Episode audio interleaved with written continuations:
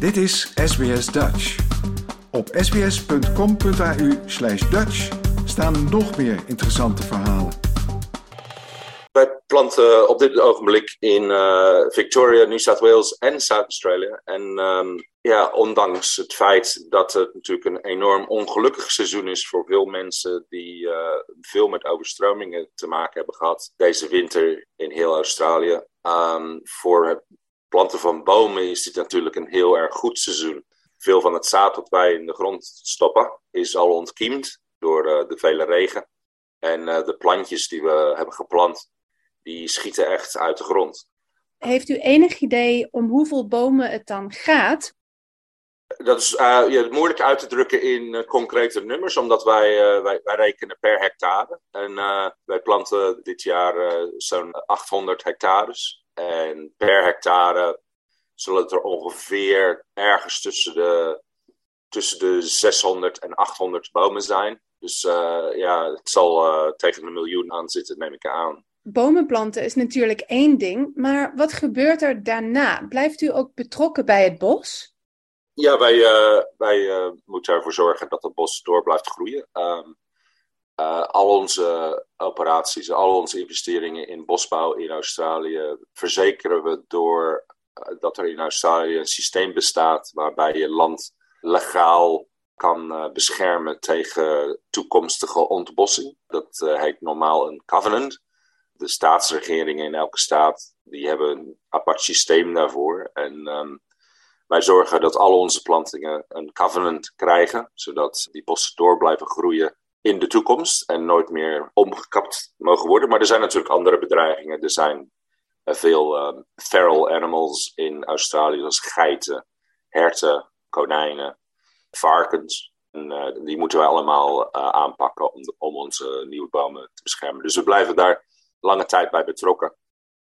Um, als al onze bossen uiteindelijk goed groeien, en de diversiteit van de planten die op zijn gekomen is goed en de kwaliteit van de bomen is goed, dan trekken wij ons een klein beetje terug uit de zorg voor dat bos.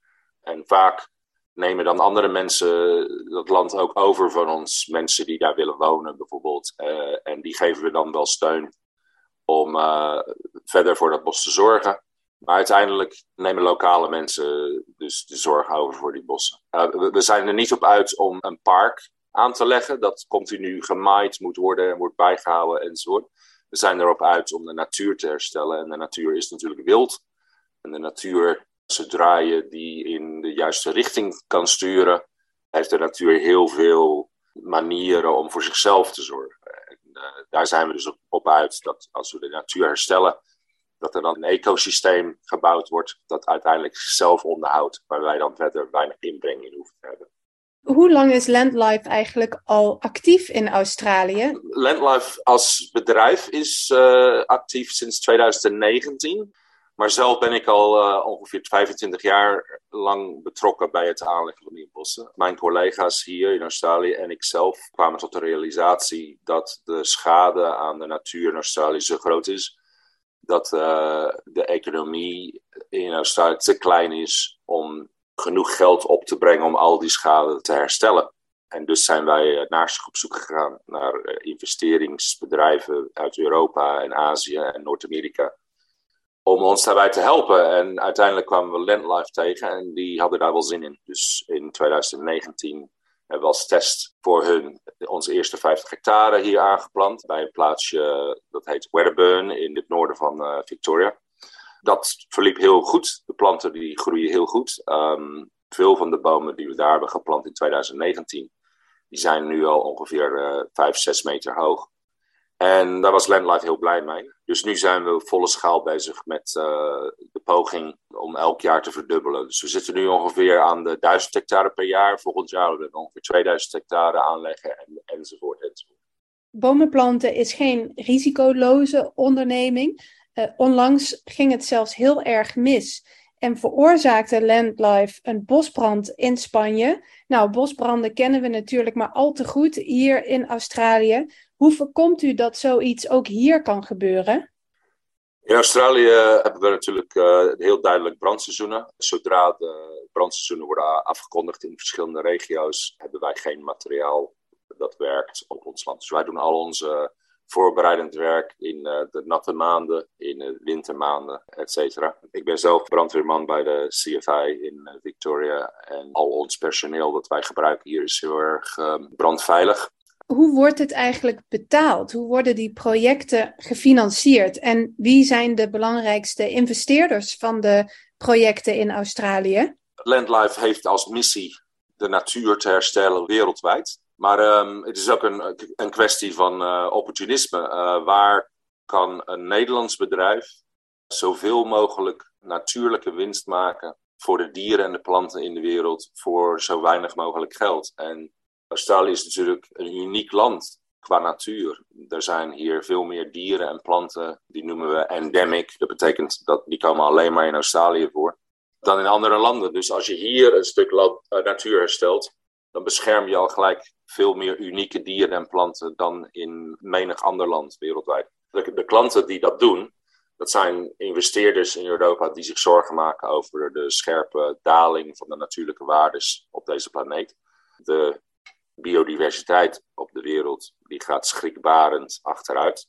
Veel bedrijven die gaan zich daar nu zelf zorgen over maken. Die zien nu in dat ze niet meer kunnen zitten te wachten op de zijlijn. Want uh, dit betreft hun eigen wel en wij. Niet alleen hun eigen familie en hun kinderen, et cetera, maar ook hun eigen zakenmodel. Dus die zien in hun forward planning dat, uh, zeg je bent een, een verzekeringsmaatschappij en je ziet dat je steeds meer moet gaan uitbetalen in natuurrampen, dan spreekt het voor zich dat het een goede businessbesluit is om te gaan investeren in het voorkomen van die natuurlijke rampen. En hoe kunnen we voorkomen dat er meer natuurlijke rampen komen, is om proberen zoveel mogelijk natuur te herstellen, zodat uh, zowel de biodiversiteitscrisis als de klimaatcrisis onder controle komen.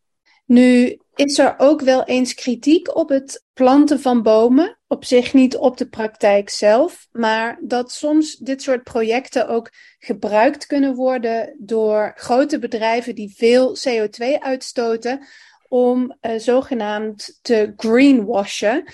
Dus om hun CO2-uitstoot te compenseren, maar dat werkt niet altijd zo één op één. Is dat ook een risico bij uw projecten?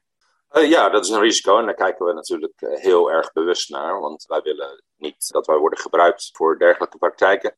Wij praten dus heel lang met uh, klanten voordat wij in zee gaan met een klant. En wij willen er zeker van zijn dat onze operaties deel uitmaken van een algeheel plan voor het bedrijf om duurzaam te worden. Dus wij willen alleen maar een klein schakeltje zijn in een veel groter programma binnen dat bedrijf. Dat het hele bedrijf zich omschakelt naar duurzame praktijk. En als wij erachter komen dat wij alleen maar worden gebruikt voor uh, een klein deeltje van hun publiciteit en dat er verder niks uh, noemenswaardigs gebeurt binnen dat bedrijf, dan zeggen wij nee. En betekent dat dan dat u ook sommige bedrijven, zoals fossiele brandstofbedrijven, uitsluit? We sluiten niemand echt uit, maar ik kan wel zeggen dat wij sommige fossiele brandstofbedrijven die ons hebben benaderd, dat wij daar nee tegen hebben gezegd. Omdat wij niet vonden dat zij verder genoeg deden om de klimaatcrisis en de biodiversiteitscrisis serieus te nemen. En nu vertelde u ook dat het in Australië uh, een goed klimaat is om zo'n project aan te pakken, dat die bossen langere tijd kunnen blijven staan. Tegelijkertijd is Australië ook een van de landen die uh, door het Wereld Natuurfonds is aangemerkt als uh, een plek waar ontbossing enorm snel gebeurt. Zelfs een van de westerse landen in de wereld die in de top 5 staat van uh, landen met de meeste ontbossing. Schuurt dat ook wel eens? Uh, Jazeker. Um, en dat is natuurlijk een, een erg belangrijk punt. En terwijl wij bossen aan het planten zijn, zijn er elders in Australië bulldozers bezig om andere bossen om te duwen. Ja, dat uh, schuurt inderdaad. Maar het alternatief daarvoor is als wij niet bomen zouden planten, dat dan de natuurlijke waardes van Australië nog veel sneller omlaag zouden gaan. Tegelijkertijd hopen we dat uh, de staatsregeringen van Australië tot bezinnen komen en die verdere ontbossing zullen stoppen. Like, deel, geef je reactie. Volg SBS Dutch op Facebook.